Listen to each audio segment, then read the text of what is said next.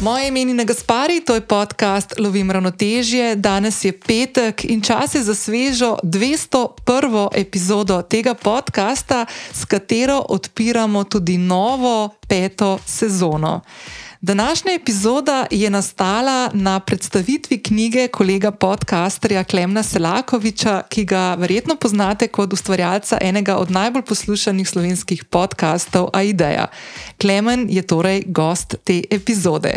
Na njegovo vabilo sva poklepetala o izidu njegovega knjižnega prvenca Aideja, poimenovanega po njegovem podkastu, ki ga ustvarja zadnjih pet let. S Klemnom govoriva o pisanju knjig, upravljanju strahov in sindromov siljivca, pa ustvarjanju podcastov, grajenju občinstva in življenju nasploh. Tokratno epizodo, ki je nastala v prestolnici, si lahko ogledate tudi v video obliki na mojem YouTube kanalu. Povezavo do zapisa in videa pa najdete spodaj v opisu epizode. Če vam je podcast Lovim ravnotežje všeč in ga radi poslušate, potem vas vabim, da se na, na mobilni aplikaciji, pri kateri poslušate ta podcast, tudi prijavite.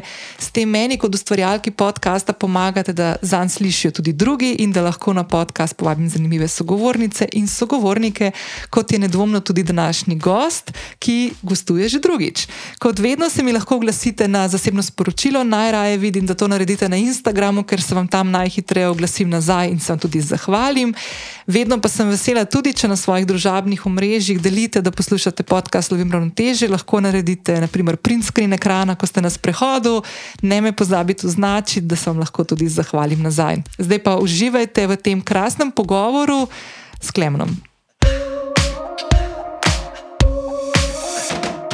Hvala lepa vsem, ki ste prišli na tale dogodek, malo bolj intimen, uh, manjši. Um, v bistvu vsak od vas je doprinesel v zadnjih petih letih k temu projektu, zato sem vas tudi povabil sem. Uh, tako da, ful, hvala, da ste se odzvali. Pa, um, hvala tudi tebi, Nina, ker vem, da si v takem podobnem procesu, kot sem jaz bil. Evo, naj jo. Okay. Um, v podobnem procesu, kot sem jaz bil zadnje dve leti, zato sem se tebe zbral, da se pogovoriva malo o tej knjigi oziroma o tem projektu. No. Tako da, ful, hvala, ker si se odzvala mojemu vabilu. No. Z veseljem. Ker mi dva uh, s Klemnom se že nekaj časa poznava in uh, vedno imamo full fine debate sploh takrat, ko mikrofona ni zraven. In sva se nekako odločila, da bo danes ta najna debata, uh, nisva se neki ful pripravljala, razen da sem si jaz v mojo knjigo fulejnih zapiskov naredila, ki jih zdaj nimam, pa v bistvu mi je kul, cool, da jih ni. Okay. Okay? Kje pa imaš to knjigo? Ne vem, le lepo. A kaj je bila, en je ja. ukradel? En je vzel. Um, okay. Ti, ti si bil, ne? um, še ena stvar, kar neki vas je tukaj, ki ste že bili gosti ali pa gostje preklemno. Pa, če mogoče ste ugotovili, polk je šla epizoda v eter, da ste kaj pozabili povedati ali pa bi kaj dodali, lahko dvignete roko vmes tudi ali pa kasneje, pa dodate, pa poveste ali pa kaj vprašate mogoče ali pa čestitate klemo. Okay. Um, a veš, kaj te bom vprašala? Eno stvar, ki me ful zanima. Uh, Zelo na začetku knjige, pri eni od prvih misli, ki zdaj ne vem, kje je, ker nimam preseb, si napisal si govoril o sramu, tam, kjer si bil na, Filipi, na Filipinih v hotelu. Pola, um,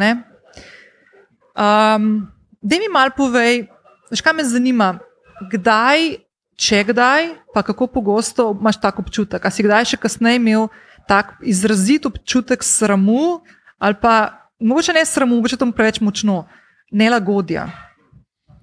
Um, ja, v bistvu v, v tem poglavju sem opisoval sram, ki me je doletel zaradi tega, ker se nisem zavedal, kako sem privilegiran že celo življenje bil. Ne? Jaz sem v bistvu videl nek tak ekstrem revščine v živo pred sabo in uh, to me je zadel v, v kora ne? ali pa v dno duše. In uh, pogosto imam tak občutek, um, sploh zaradi vsega tega, ne vem.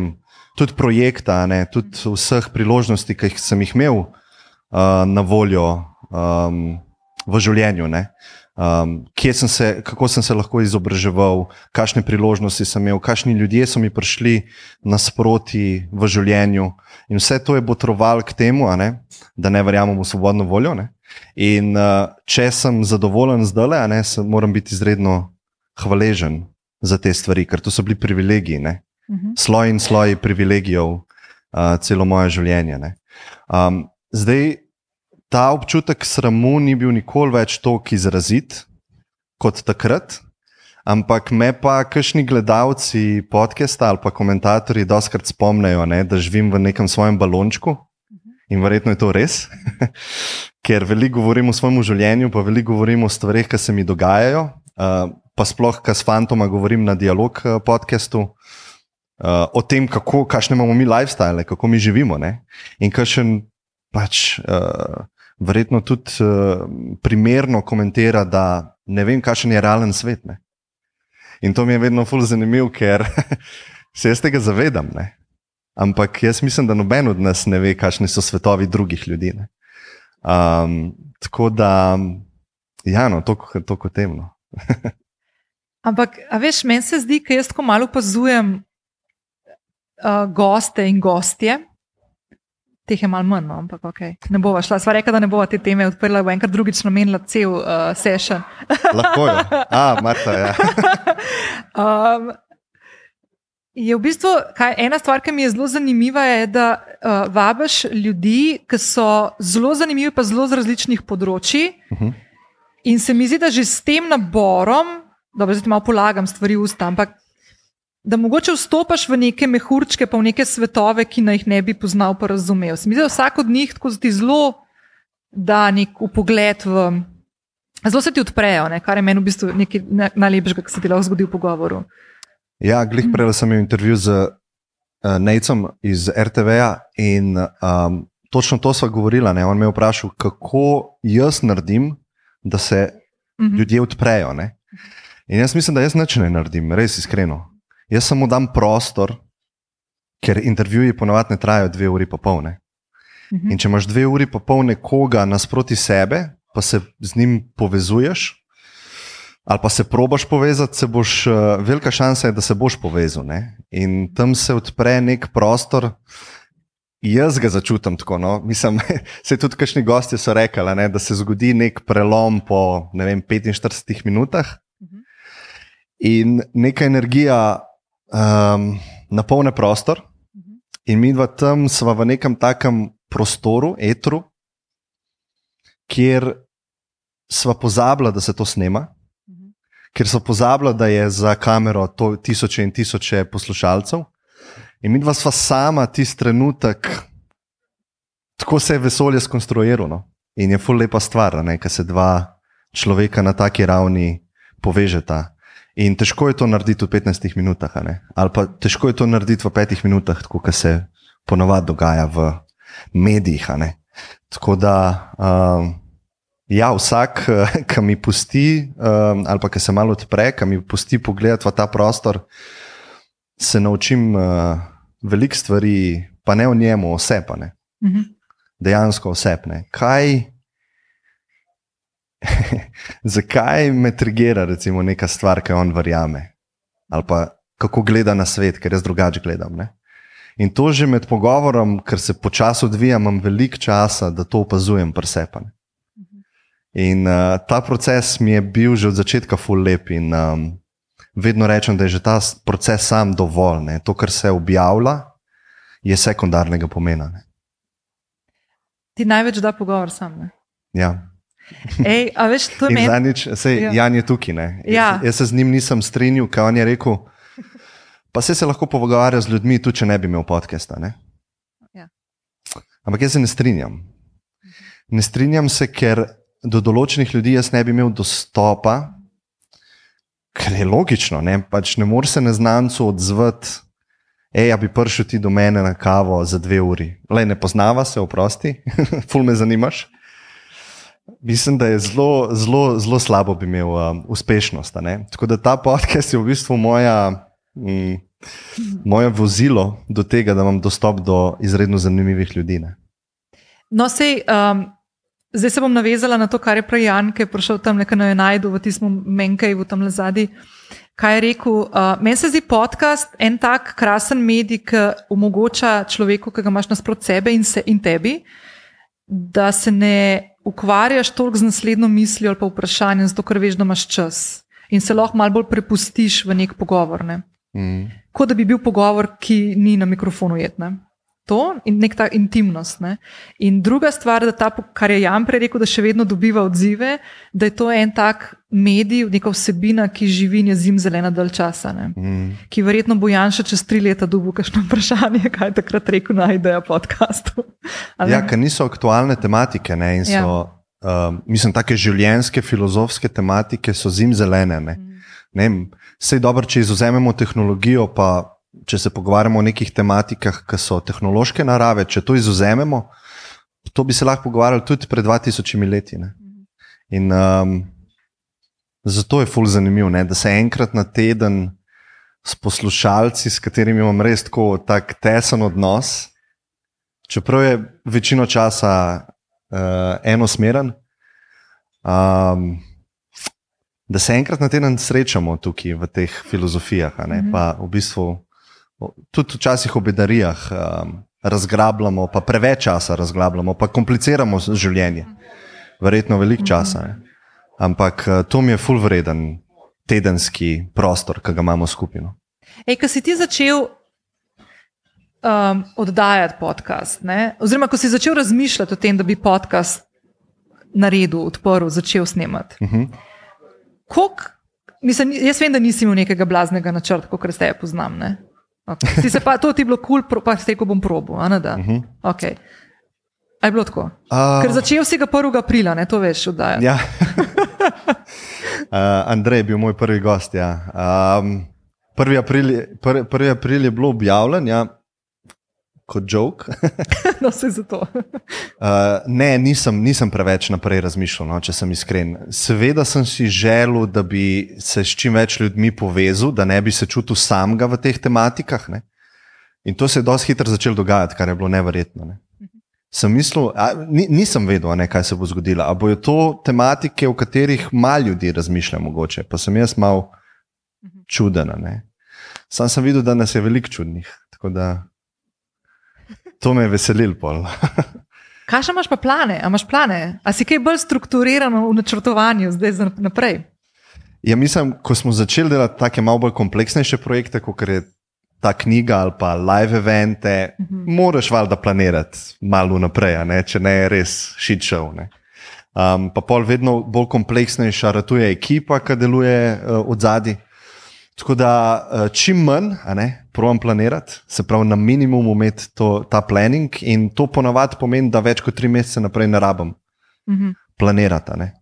Ampak um, se to me tudi zanima, kaj ti misliš o tem, o tej nišnem aspektu enih projektov mhm. ali pa v širokih mainstream aspektih projektov. Ne?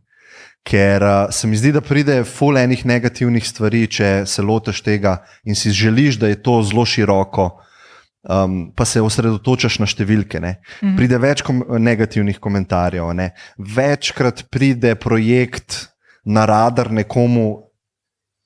Ki bo sovražil to. Ki mora svoje mnenje povedati. Ker drugače ne bo mogel spati. Ja, pa mogla spati. Ja, in ja. to držanje tega v, v, v oskem, pa globokem, je moj plan. Ni plan široko, pa plitvo. Ej, meni tudi ne. Meni je bila ena fulj zanimiva stvar, da sem to povedala na glas, ker nisem. Mislim, da se tebi sem omenila, pa mogoče še kakšnemu v publiki, ki ga poznam. Ampak meni tudi, jaz, jaz v bistvu uh, fulj uživam v tem projektu in v bistvu mi je, prešla sem to fazo, ki bi si želela ful neko, super bi mi bila makšno ekipo, ki bi mogla gledati, imaš res lep, kar fajn podporo. Ampak, ampak bolj iz tega, da bi mi šli fact checkati, veš, kakšne stvari, pa preverjati podatke, kaj, kaj, kaj, če kaj na, to razga noter.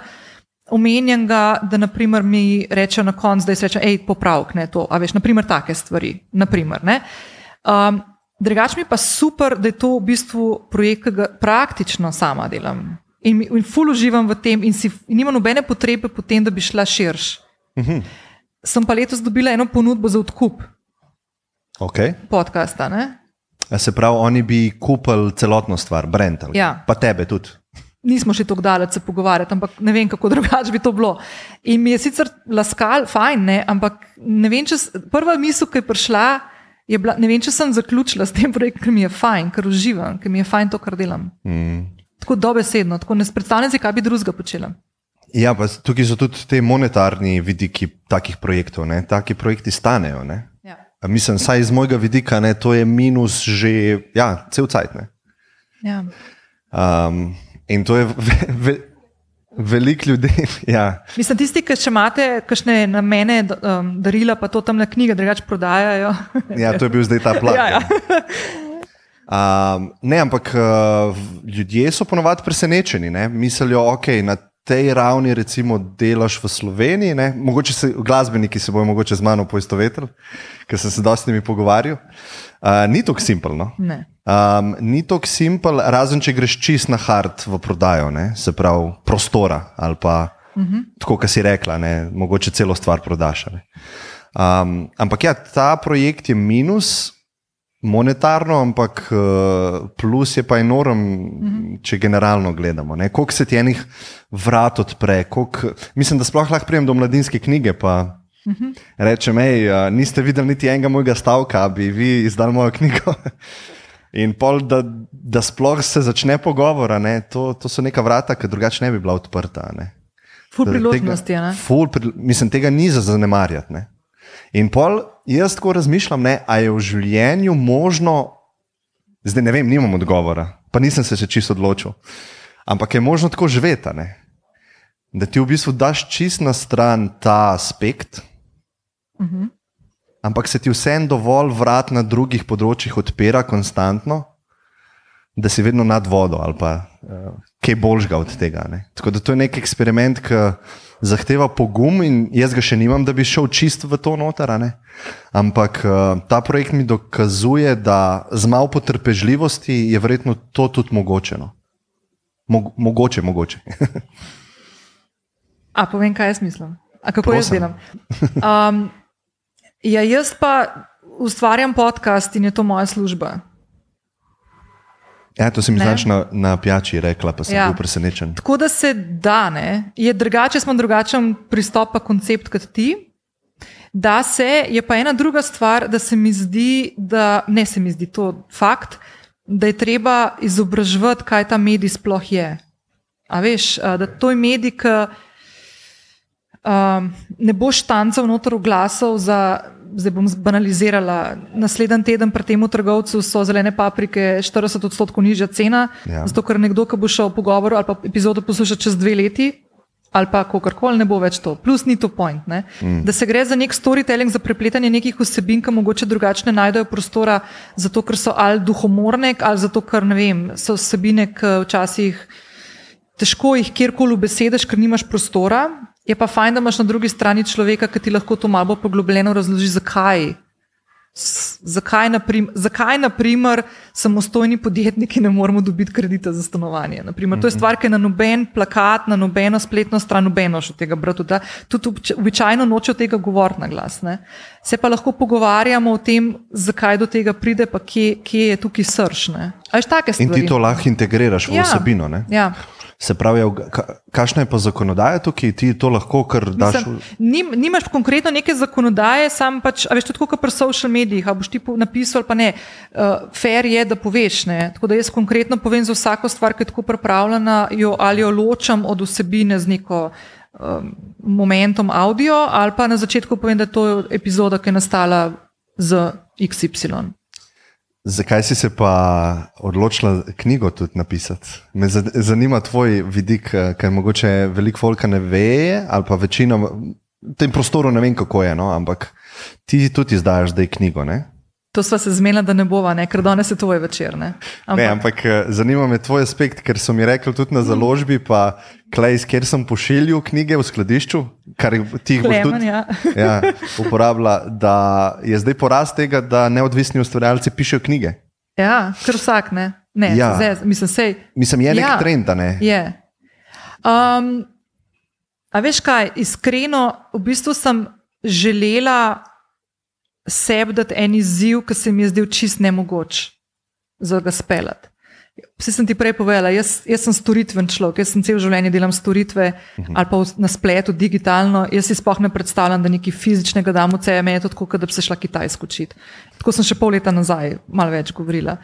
Mi je čistuno, pač ne, ne. Plus, da moja publika določene stvari je želela od mene imeti tudi v fizični obliki, ne, ker sem jim predajala v digitalni.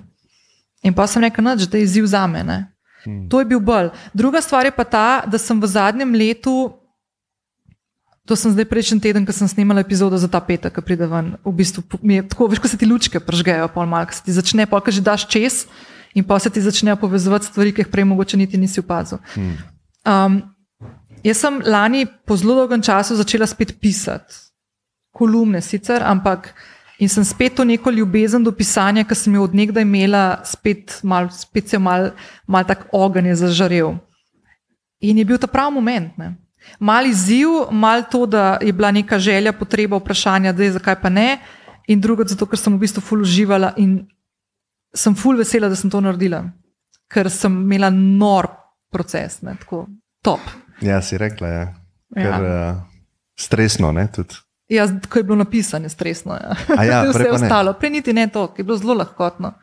Ja, jaz doskrat... ja, stresno vem, kaj misliš. Ja. Ne, doskrat sem slišal ja. te zgodbe, ki vidiš te grozljivke, poslušaš od pisateljev, ki ti skoraj ja. okovan da, ker ima ja. deadline in je nekje. Veš kaj, jaz sem si deadline sama postavila, ne? jaz sem si ga sama postavila, jaz sem tak zelo strukturiran človek, jaz sem si napisala take bloke, sem si dala časovne v, za naslednjih nekaj tednov, kdaj bom pisala. Tako, veš, tako, to, tako Steven, ne da se primerjam, tako Steven King piše, da je, ne, on gre za mizo, zjutraj lepo in štiri ure piše in je to to. In vsak dan, in enkrat napiše en stavek, enkrat napiše dve strani.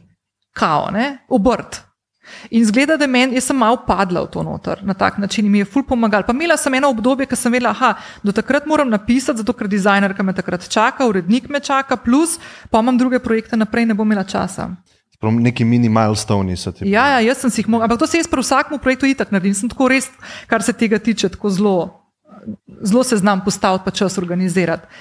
In sem imela, in, in bilo, ni bilo stresno tako v tem smislu, da bi se neki ful preganjala, ker sem si zelo pustila prostor. Vsak dan sem šla okrog rožnika na sprehod, potem, ko sem nehala prvo rundo, popoldan sem popravke vnašala. A veš tako? Flow. Fajn je bilo, ja, ful je bil flow. Sicer ne tako ure in ure, ampak tako skozi dneve. Dnevi prežeti s flowom. Ne? Ful. Ja. Ful prijeten občutek. To je happiness. Ja. Pa zadovoljen si, ker na koncu rečeš, oh, wow, veš, Lej, to ne.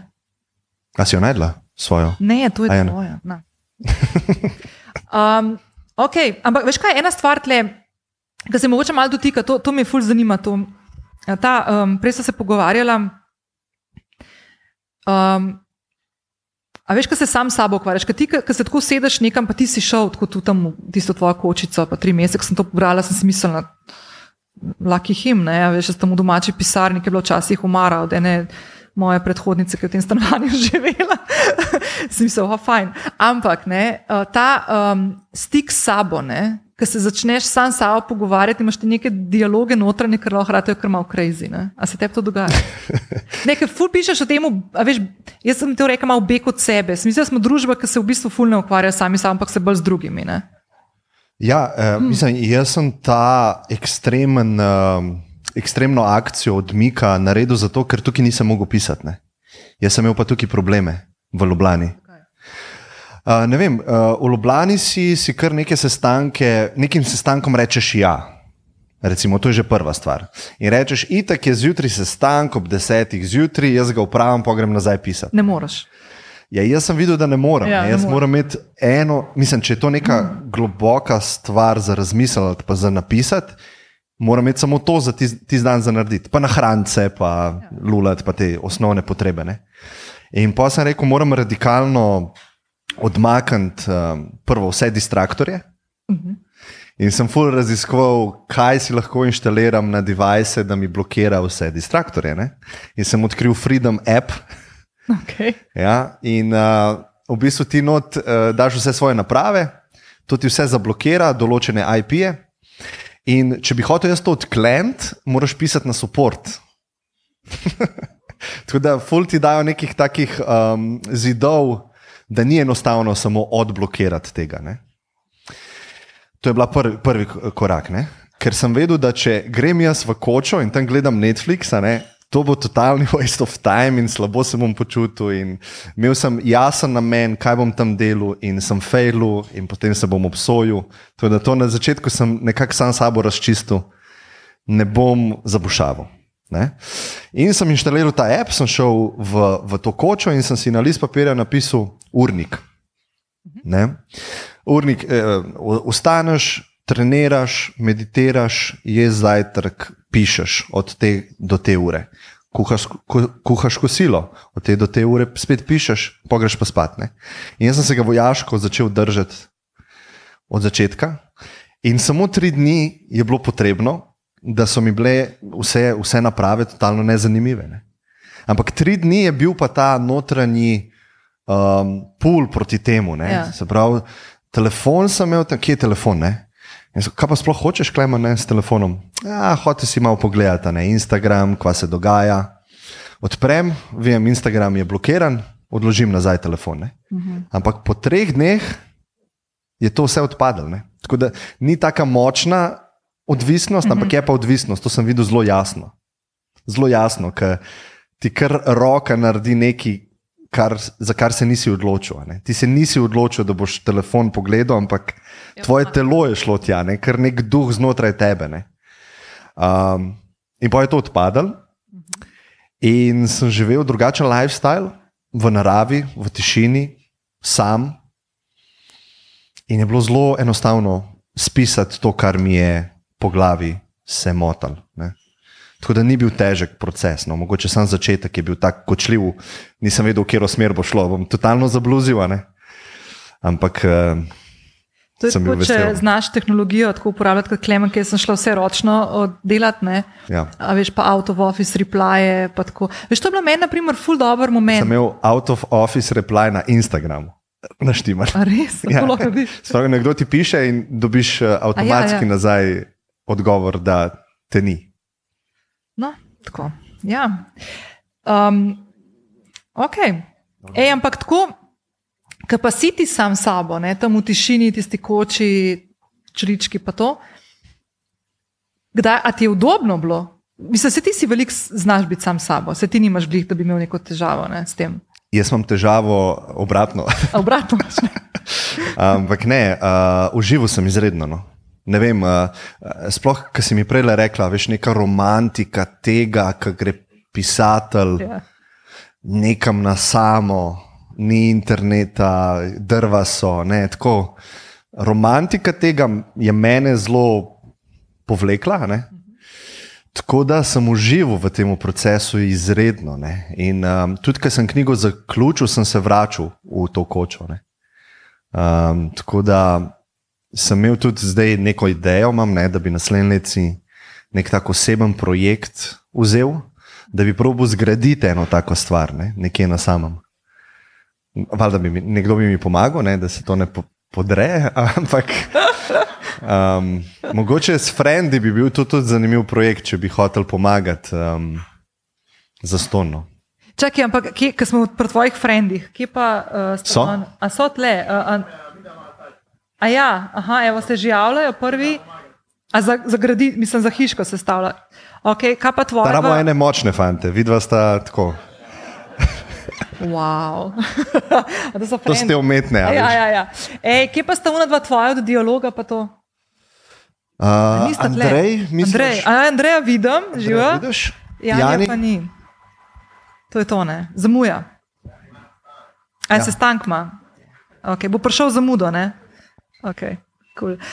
um, Drugače pa veš kaj, Tim Ferris je imel sto let nazaj enega gosta, ki je rekel, da to je pa gost, ki ga je ne vem koliko let hotel povabiti. Ne vem, če si poslušal to epizodo že kar nekaj časa nazaj, Neil Gaiman, pisatelj. Uh mhm. -huh. Mislim, da nekaj te, malo bolj, jaz nisem nobene stvari njegov prebral, kot neka ta science fiction, pa to meni ni zanimivo. Ampak je eno stvar rekel, kako ima on svoj proces, da gre vedno na jed hotel v eno mesto, kjer, kjer se nič ne dogaja da sebe pripravi do tazga dolg časa, uh mhm. -huh. da rata ustvarjala. Da pol iz tega dolg časa začne pluskati ven neke, neke, neke razmišljanja, neka, neka kreativnost. A je to v redu, Jan? A si rekel, kaj? Ne, a je sorry. Sorry, sorry, sem ti hodila, da kar malo besedo. Zakašljamo je. ne, jaz se. Jaz se... Jaz se ful strinjam s tem, pa tudi prej, ko sem razlagal, ko sem te distraktorje dal stran, malo je bil tudi namen, da bi mi postali dolgčasni. Ker v bistvu s temi stvarmi, ki smo vsak dan obkroženi, si ne pustimo um, dolg časa. Uh -huh. In uh, valjda je ten dolg čas, ki se nič ne dogaja. Mislim, se v naravi se ful dogaja, ampak uh -huh. tako za, za moj um, ki je vsak dan bombardiran z mestnimi stvarmi, lahko postane dolg čas. Ne? In jaz sem ga nekako, zdaj, ki za nazaj pogledam, uh, zavestno konstruiral. Ne? In uh, če sem se hotel zabavati, sem lahko pisal. Ne, tako da zabava je bila to. Ne. Sicer je tako bolj prefinjena zabava, ne, ne dobiš takoj dopamina, ne, ampak spišiš po glavi, pa dopamin pride ne, in to ti je dovolj, da nisi mm -hmm. čist deprest. Um, Kako si ti danes drugačen človek, kot si bil? Ali imaš tako feeling, da si. Uh, od začetka podcasta ali od knjige? Oboje, oboje, tako zadnjih pet let. Um, Da mogoče gremo malo na uno, kaj si, veš, kaj si rekel, tako, kaj te sogovorniki, sogovornice malo tako pripravijo do tega, da gledaš neke svetove ali pa mojhurčke, ki drugače niso tvoji. Uh, dobim veliko feedbackov, da sem se v zadnjih letih fully izboljšal pri vodenju podcasta. Okay. Čudem bi bilo, če se ne bi po to, stotih epizodah. Ne? Ampak čutim, da sem zavestno ene par stvari naredil. Uh, se pravi, na začetku sem bil v miselnosti, da okay, je to internetna vsebina. In zdaj mi moramo zabavati tega, kar je na internetu, zato ker mi imamo full konkurence. On je na YouTubu in že kar zraven ima te druge, druga okančka, kaj bi bilo mogoče bolj za pogled. Ne? In v tej miselnosti, ne, ti greš ustvarjati, hočeš biti kot nek klovn in zabavati tega, kar je na drugi strani. Mm -hmm. Sej to deluje, sej A veš, Mr. Beast, pa kako oni govorijo, imaš prvih pet sekund, da huka, ne pa kaj še ne tam, ne pa to ne. Ampak jaz mislim, da ta projekt je mal drugačen in sem šel v drugi ekstrem. Kako lahko jaz pustim prostora drugi strani, ali pa tudi če je pet sekund tišina, ali sem sposoben biti ob tem tam, pa to objaviti. In se mi zdi, da tukaj je bil največji preboj pri meni osebno, in to se je začelo zlivati tudi v medsebojne odnose, privat, sigurno. Ne? Mhm. Se pravi, s tišino ni nič narobe. Recimo, prej smo imeli težavo, tehnično, verjetno bi Klemen izpred petih let bil v paniki, ne? zdaj je treba vas zabavati, vi ste zdaj tukaj prišli, sedite. A, um, a bo vsebina zabavna? A mi dva zdaj sva zabavna. To, to je v bistvu odpadalo in mi je iskreno vse, ker vem da, uh, vem, da ne moreš s to energijo ustvarjati tega prostora, kar mislim, da se ustvarja na, na podkastu. Mhm. In spoga ne ustvarjam jaz, ampak jaz se odmaknem. se pravi, jaz sem bil problem. In kolikrat v življenju je še tako, ker ne rabiš nič dodati, ampak ti moraš v bistvu stvari oduzemati. Mislim, da sem v enem poglavju to enkrat razmišljal. To, ki je v družbi govora o tem, kaj je dobro delati. Dobro je delati icebete, dobro je delati uh, sauno, dobro je delati vse te stvari, ki uh -huh. zdaj krožijo po tej uh, kolektivni miselnosti. Ne? Ampak sem videl, da je za življenje mogoče pri meni bilo ful bolj pomembno od, odstranjevati stvari. Uh -huh. ne, se pravi, da ne spiješ alkohola da ne poješ džanka, ne? da festaš mogoče, ne? to je noč. Tako da uh, malo sem se igral tudi s tem, no? s to dualnostjo. Ne? Ker veš, ta stvar mi ne služi, moram jo zamenjati za eno drugo stvar. Kaj pa če jo samo straniš, pa pustiš, da je prostor tam. Ne? Tako da pri pogovorih jaz sem se to naučil in to se je zlil na full mojih um, aspektov, kako živim življenje. E, jaz se spomnim, ko sem z mami, moja mama je bila celo kariero, eh, je delala v kadrovski službi in je imela ti razgovor za kandidate, ki jih sprašuješ, pa probaš čim več zvedeti, ne, tako med vrsticami. In mi je dala ena svet, ki sem začela snemati.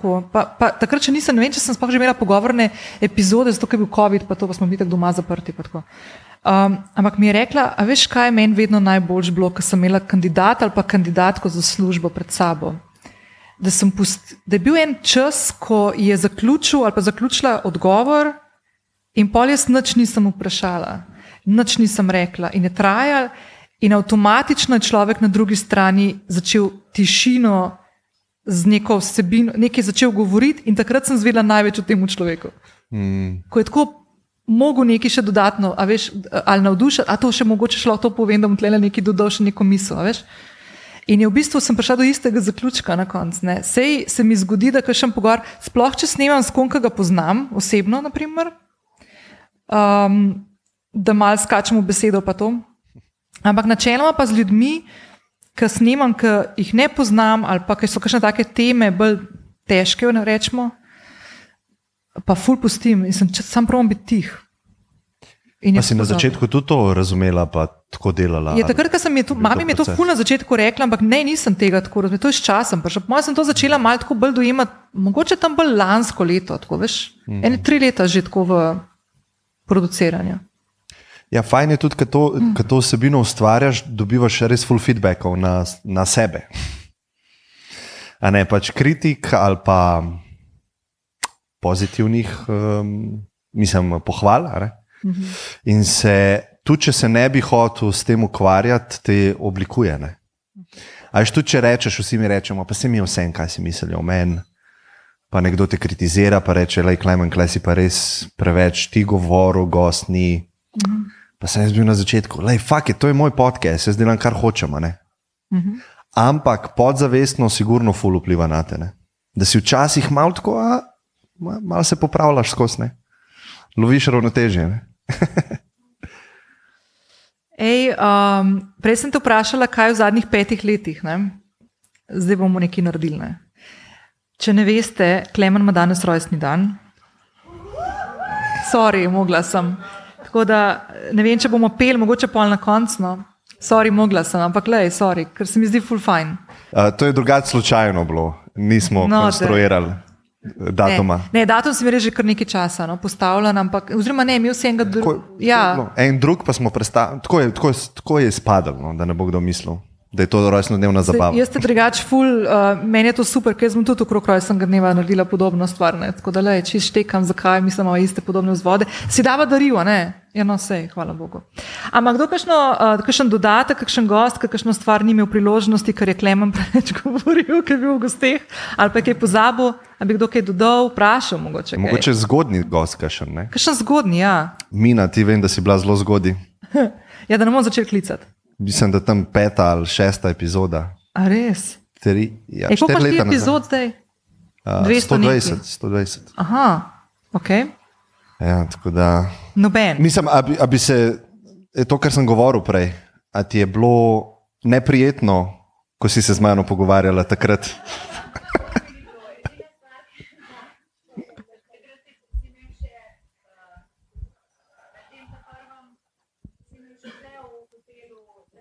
Aha, V pisarni, ja. ja. Se spomnim, da sem komi najdla, pa sred poletja je bilo. In ko si me povabil na podcast, sem bila pripričana, da bo sam, da bo Au. sam govorila. a ne. In sem bila pač tako oblečena, ker res ni bilo za na kamero, neko kratko majico, taka. Vse na YouTubu lahko pol pogledamo. Ja, lahko pogledate. No, ampak smo se ful dobro pogovarjala. Meni je bilo, mm, mi je bilo ful všeč. No. Vem, da sem tako nekako mi stlačila tisto svoj urnik, pa še manj mi je bilo tako mah, ampak grem, ki je glih klemana. Ne. In uh, pa je bilo pa fajn, dejansko je bilo Ja, ja, fajn. strinjam. In to je, kar si rekel. Ne. Še zdaj mi ogromno ljudi reče, ja, sem poslušala ali pa poslušal. Podcast Parklemno je bilo res fajn, recimo, pa, je, pa je že res dolg čas. Pa sem na še enkrat partep, ampak. Pa še enkrat. Trikrat smo. ja. A se res. ja. Pa še In- danes. evo. No. Ej, ful ti Tako da, hvala. no. Ja, Res. hvala tebi. Še kdo? Se ne vem, kje so. Uh, Mi- Mino sem videl tukaj. Ja. Ej, Tomažem sva snemala prejšnji teden, Aha, kul. Cool. mi je bilo tudi ful. Uh, kontra, ja, kontra. A si bil ti gost? Sam je bilo zelo dvosmerno. No. Tako Da sem ful užival v teh dveh urah pa pol s tabo. Ja. Ej, ampak to je pa tudi ena stvar, ki je tako netipična slovenska, se mi zdi. Da, da ljudje, ki smo v tem podkastu svetu, tako se kar podpiramo, pa širamo, pa gostimo en drugega. ja, tako je spadala, ne? ker ni bilo tako na začetku čutiti. Treba Ja. je bilo par stvari narediti. a ne. Ti si mene recimo povabila, jaz sem probil ali, ali suportati vedno neke mlade ustvarjalce, ki so začenjali. Mm -hmm. A je bilo to, ja, da smo se dobili na klicu ali pa v živo, um, ali pa z nasveti, s pomočjo. Ne.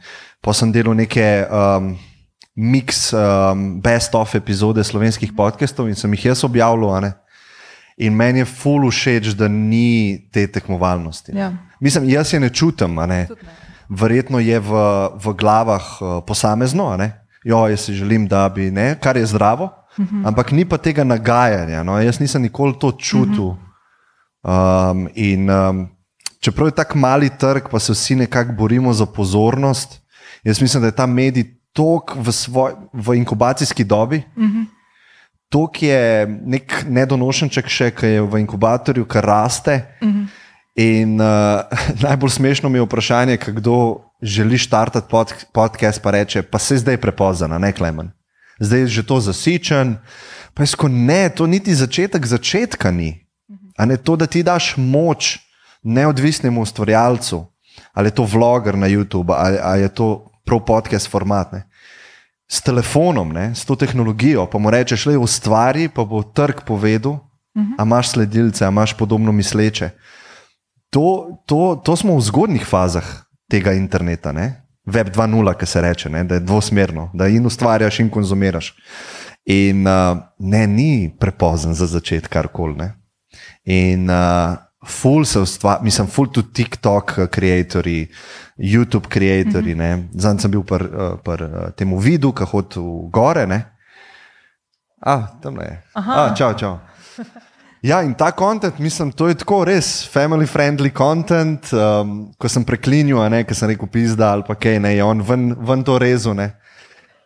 A Ne, in uh, družine gledajo, otroci. Tako da to, ki je na takem malem prostoru, raznolik prostor ustvarjalcev na internetu. In jaz mislim, da bi se mogli podpirati med sabo. No. In že to, da pridejo a ne, sem full hvaležen, je nek znak tega, pa ti si tukaj. Ne, tako. Ej, sej, po mojem, jaz sem ce- cel življenje vedno prišla late to the party. Ne. Za vsako stvar, ker sem službo zamenjala, jo tako včasih je bilo tako dobro tukaj, veš, da ni več tako. Veš, skozi sem to poslušala. Se mi zdi, podcast je, pa še zdaj mislim isto, kot ti, da tole ni too late, ne, sploh. Jaz sploh. se sam že v oglaševalske budžete lahko pogledaš, Ja. ker so non-existent, skoraj Ja. ti živiš od tega, ampak mm -hmm. veš, da ni to isto kot uh, ostali mediji. Ja. In že tukaj je en znak, da se niti začel še ni. Ja. In kaj v tujini delajo na tem področju. Ne. Ja, ja, ja. Zanimivo. Um, nekaj sem hotel vprašati, pa mi je zgubi, sem zgubila misel. Ne.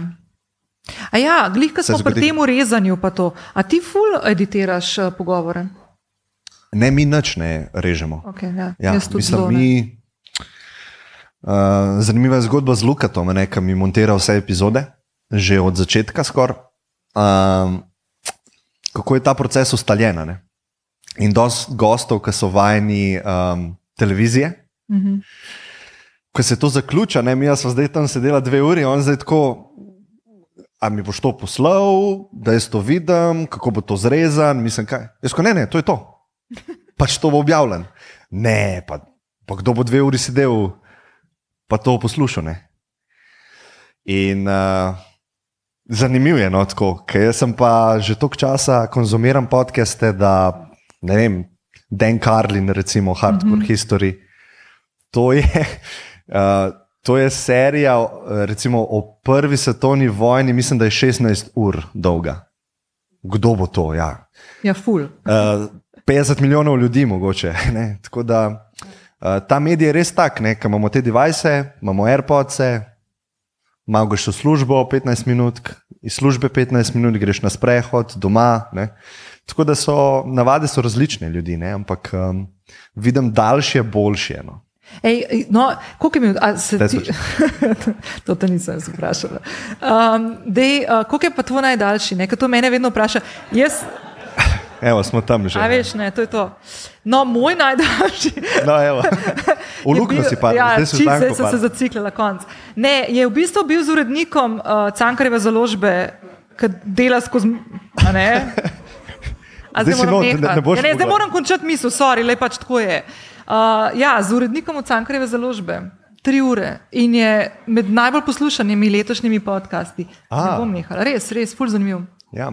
Sej, eh, to se mi ti rekel, Tomaš, ne, da long content zdaj na YouTubu ful bolj grabi, ne? ti se z algoritmi ukvarjaš. Ni pa 100%. Ja. Ja, tako da je res, ne, eh, ljudje se vedno bolj navajajo na te res dolge formate. Ej, pa to držati pozornost, ker imamo s tem kao težavo, ne veš, teh sloti, 5 sekund, 3 sekunde. Ne? Se mi zdi, da to pri vseh medijih malo že gre v to smer. Veš, tudi v tujini te časopisi, naprimer, da delajo long form članke, ki jih pripravljajo uredništva, ki si to lahko prvoščijo, ne, tudi po mesec, dva, tri ali več, ne, in delajo te, ali pa na New Yorker in tako naprej. To so vsebine, ki zdaj le prihajajo, spet na novo zaživijo, ne, z neko novo publiko. Mlajšo publiko, ki želi poglobljenejše, daljše, bolj opisne storytelling vsebine. Ne.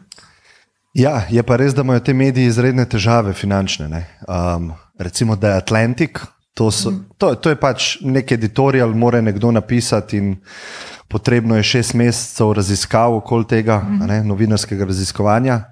In potem si predstavljate, da ti to napišeš, članek, ga objaviš na Facebooku, pa po družbenih medijih, in čez dve uri tega članka ni več, ne, ker so nove stvari. In uh, enostavno je problem, kako se to splača. Ne. Problem je monetizacije teh vsebin. ne. Zdaj, mi, ki delamo ta vrsta kontent, ne, mi spet ni toliko stroškov za, za dve uri pa pol. Ne, se pravi, uh -huh. Dve uri pa pol traja, ne vem, Avengers film, ki stane 300 milijonov, da ga narediš. A ideja podcast stane, ne vem, 200 evrov, 150 evrov, uh -huh. eden, ne. Um, pa je ista dolžina. Ne. Tako da imamo malo prednost, ne, ker so pogovori v spredju, pa ne priprava, pa ne montaža. Ne. Tako da jaz mislim, da imamo nekako srečo, da je to zdaj, da je to zdaj ljudem všeč. Ne. ne vem pa, če jim bo še dolg čas. Prej si rekel eno stvar, ki mi je bila fulj zanimiva, da za tri mesece naprej imaš plan narejen. Ja? Uh -huh. Okay. Jaz mislim, da sem fulj naplanirana, pa da si še bolj. A ja, to je full naplaniran. Mes, mislim, a to imaš goste za tri mesece naprej? Aha, ne, mogoče moram Aha. razložiti. Jaz sem bolj generalno mislil, da v svojem življenju nimam ciljev, ki so dlje kot tri mesece naprej. A ja, tako. Sem mislila, da imaš že vse posnet za tri mesece naprej. Ne, ne, ne. A ja, jaz sem zdaj v tem, ker sem v tem klubu. Okay. ne glede ustvarjanja podcasta je tako včasih kar kaos, no? ker smo tako, aha, kje bo zdaj epizoda, aha, ni, a ne, pol moramo hitro enega. Če- kaj pa se če zgodi? E, kdaj pa ti snemaš? Če, če ti, čakaj, ti četrtek zvečer, petek daš ven, ne? Četrtek zvečer. Ja. Ja, kdaj pa snemaš najkasneje? Koliko daš lukati v prostora za dihati? Ja, čim, mislim, včasih ima tudi eh, dva dni samo časa, no? ampak drugače ima pa je ponavadi en teden. Um, Aha, okej. Najpogosteje ima en teden časa, ampak zdaj, mislim, nisem jaz kompetenten, da bi to govoril, ampak jaz njega vedno spodbujam, pa že sam dela na tem, da gleda te AI tule. In uh, glej zdaj testirava stvari, ne? se pravi, mi dva bova. Jaz sem posnet z eno kamero, ti si posnet z drugo kamero, jaz sem z enim mikrofonom, ti si z drugim. To vse damo umetni inteligenci in ona preklapla Ja. med tem, kdo govori, ne? ker dobi zdaj signal od, uh -huh. od mene. ne.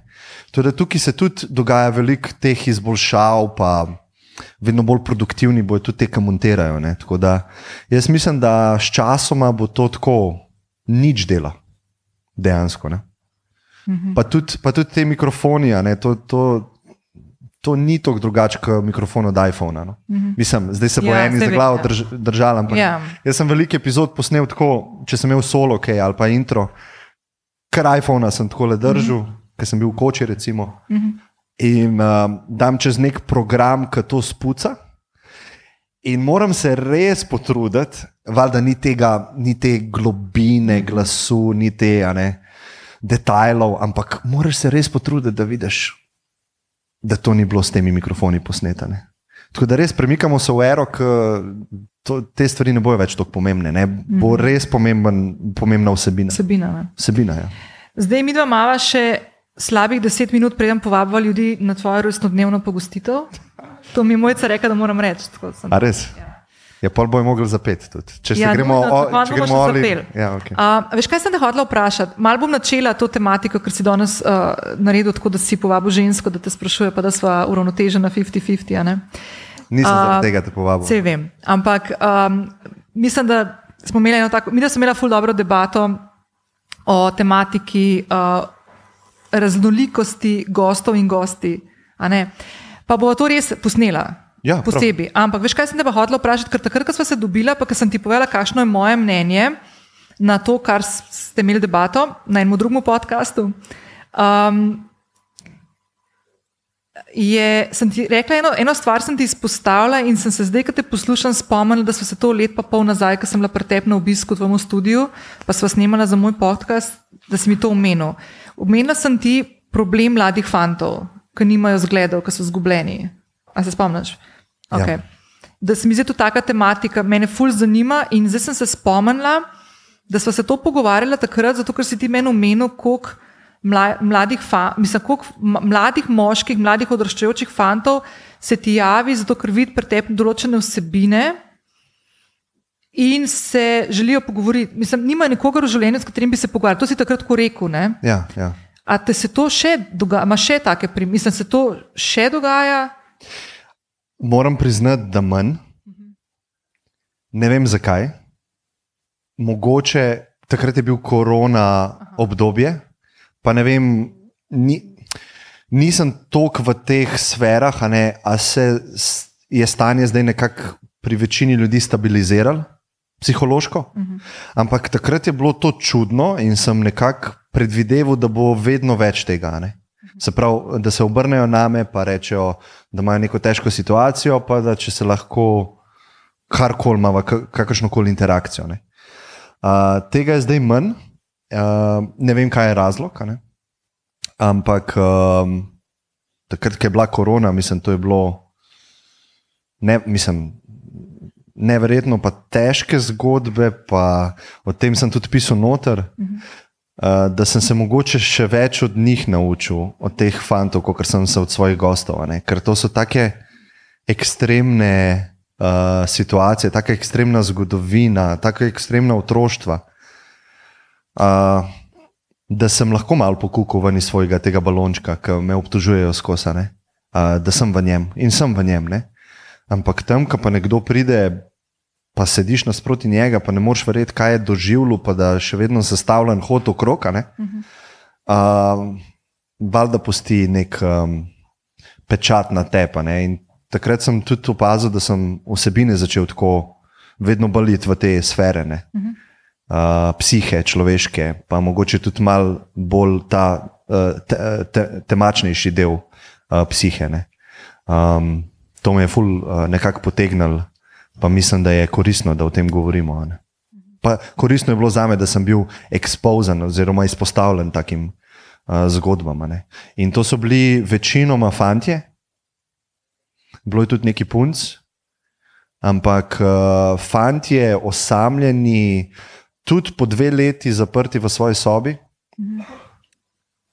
Um, in to so lahko držali ali pa vzpostavljali ta lifestyle, tudi zaradi teh distraktorjev, o katerih sem prej govoril. ne.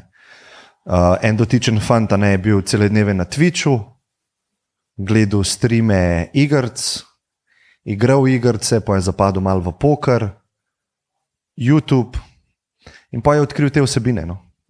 In vedno pod uh, s psevdonimom komentira spodaj. No. Tako da sva povezana še zdaj, no, ampak ja, težke, mislim, težke stvari, ki si jih ne morem, nisem se mogel poistovetiti nikoli za res fulno. Se mi zdi, da en tak del družbe kar tako malo lebdi tam, kar sami sebi so ful prepuščeni. No. Ja, ja, in uh, res ta digitalni svet to omogoča. Ne.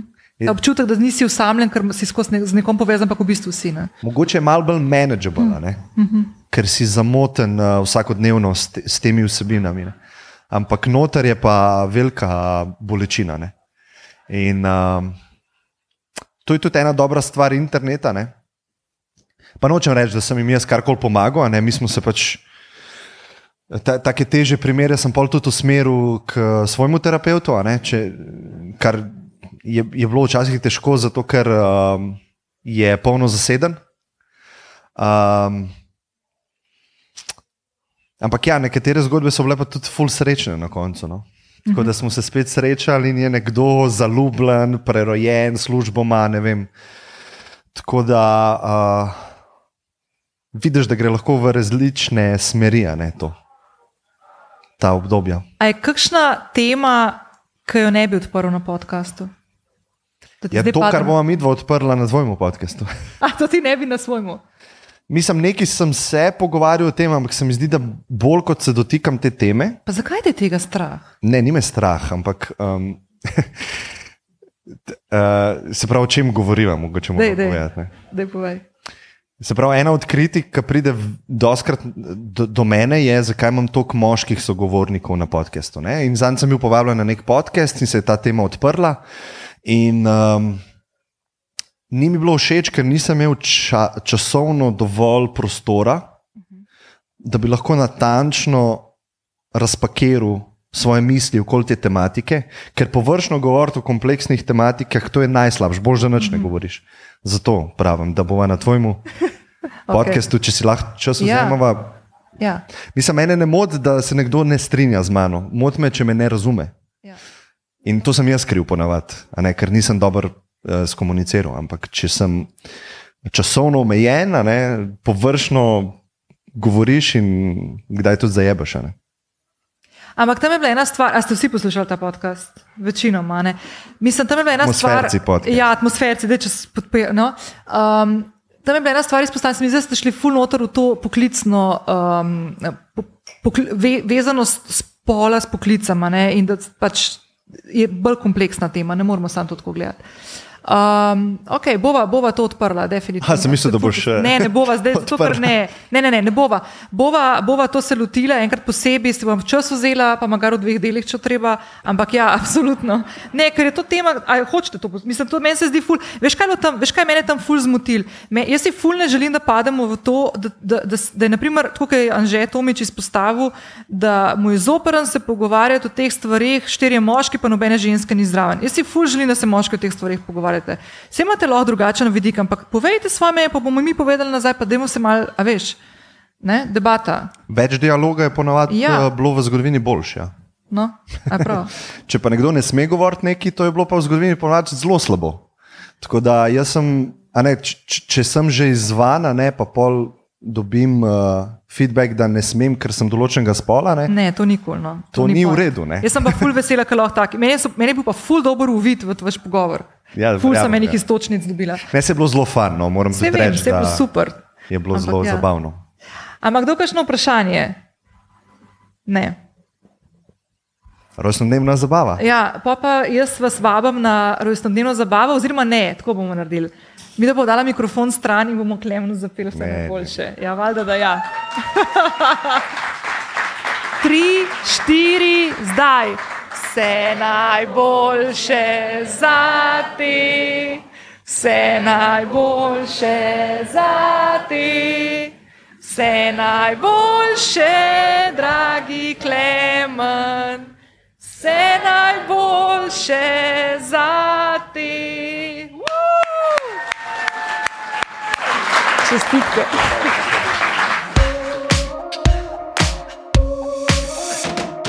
Hvala vsem, ki ste ostali do konca. Hvala Klemnu in njegovi ekipi, ki je poskrbela za zvok, za video in za krasno druženje ob predstavitvi njegove knjige Aideja. Jaz sem v zapis epizode dala link, kjer lahko knjigo, eh, Klemnovo knjigo Aideja najdete, seveda tudi vse linke, prek katerih lahko Klemna poslušate, gledate, eh, kako ustvarja svoj podcast Aideja, če slučajno še kdo ne ve, kje ga najde. Uh, dodala pa sem tudi link do knjige Lovim svoje ravnotežje, ki je na voljo ekskluzivno na moji spletni strani in jo lahko še vedno ujamete za krasna. Božična, novoletna darila ali pa darila za rojstne dneve, za posebne priložnosti ali pa darilo, ki ga podarite sebi kadarkoli v letu, oziroma kadarkoli poslušate ta podcast, če ga ne poslušate v realnem času, ko je izdan. Uživajte, lepo se imejte in evo, peta sezona je tukaj, nadaljujemo k malu.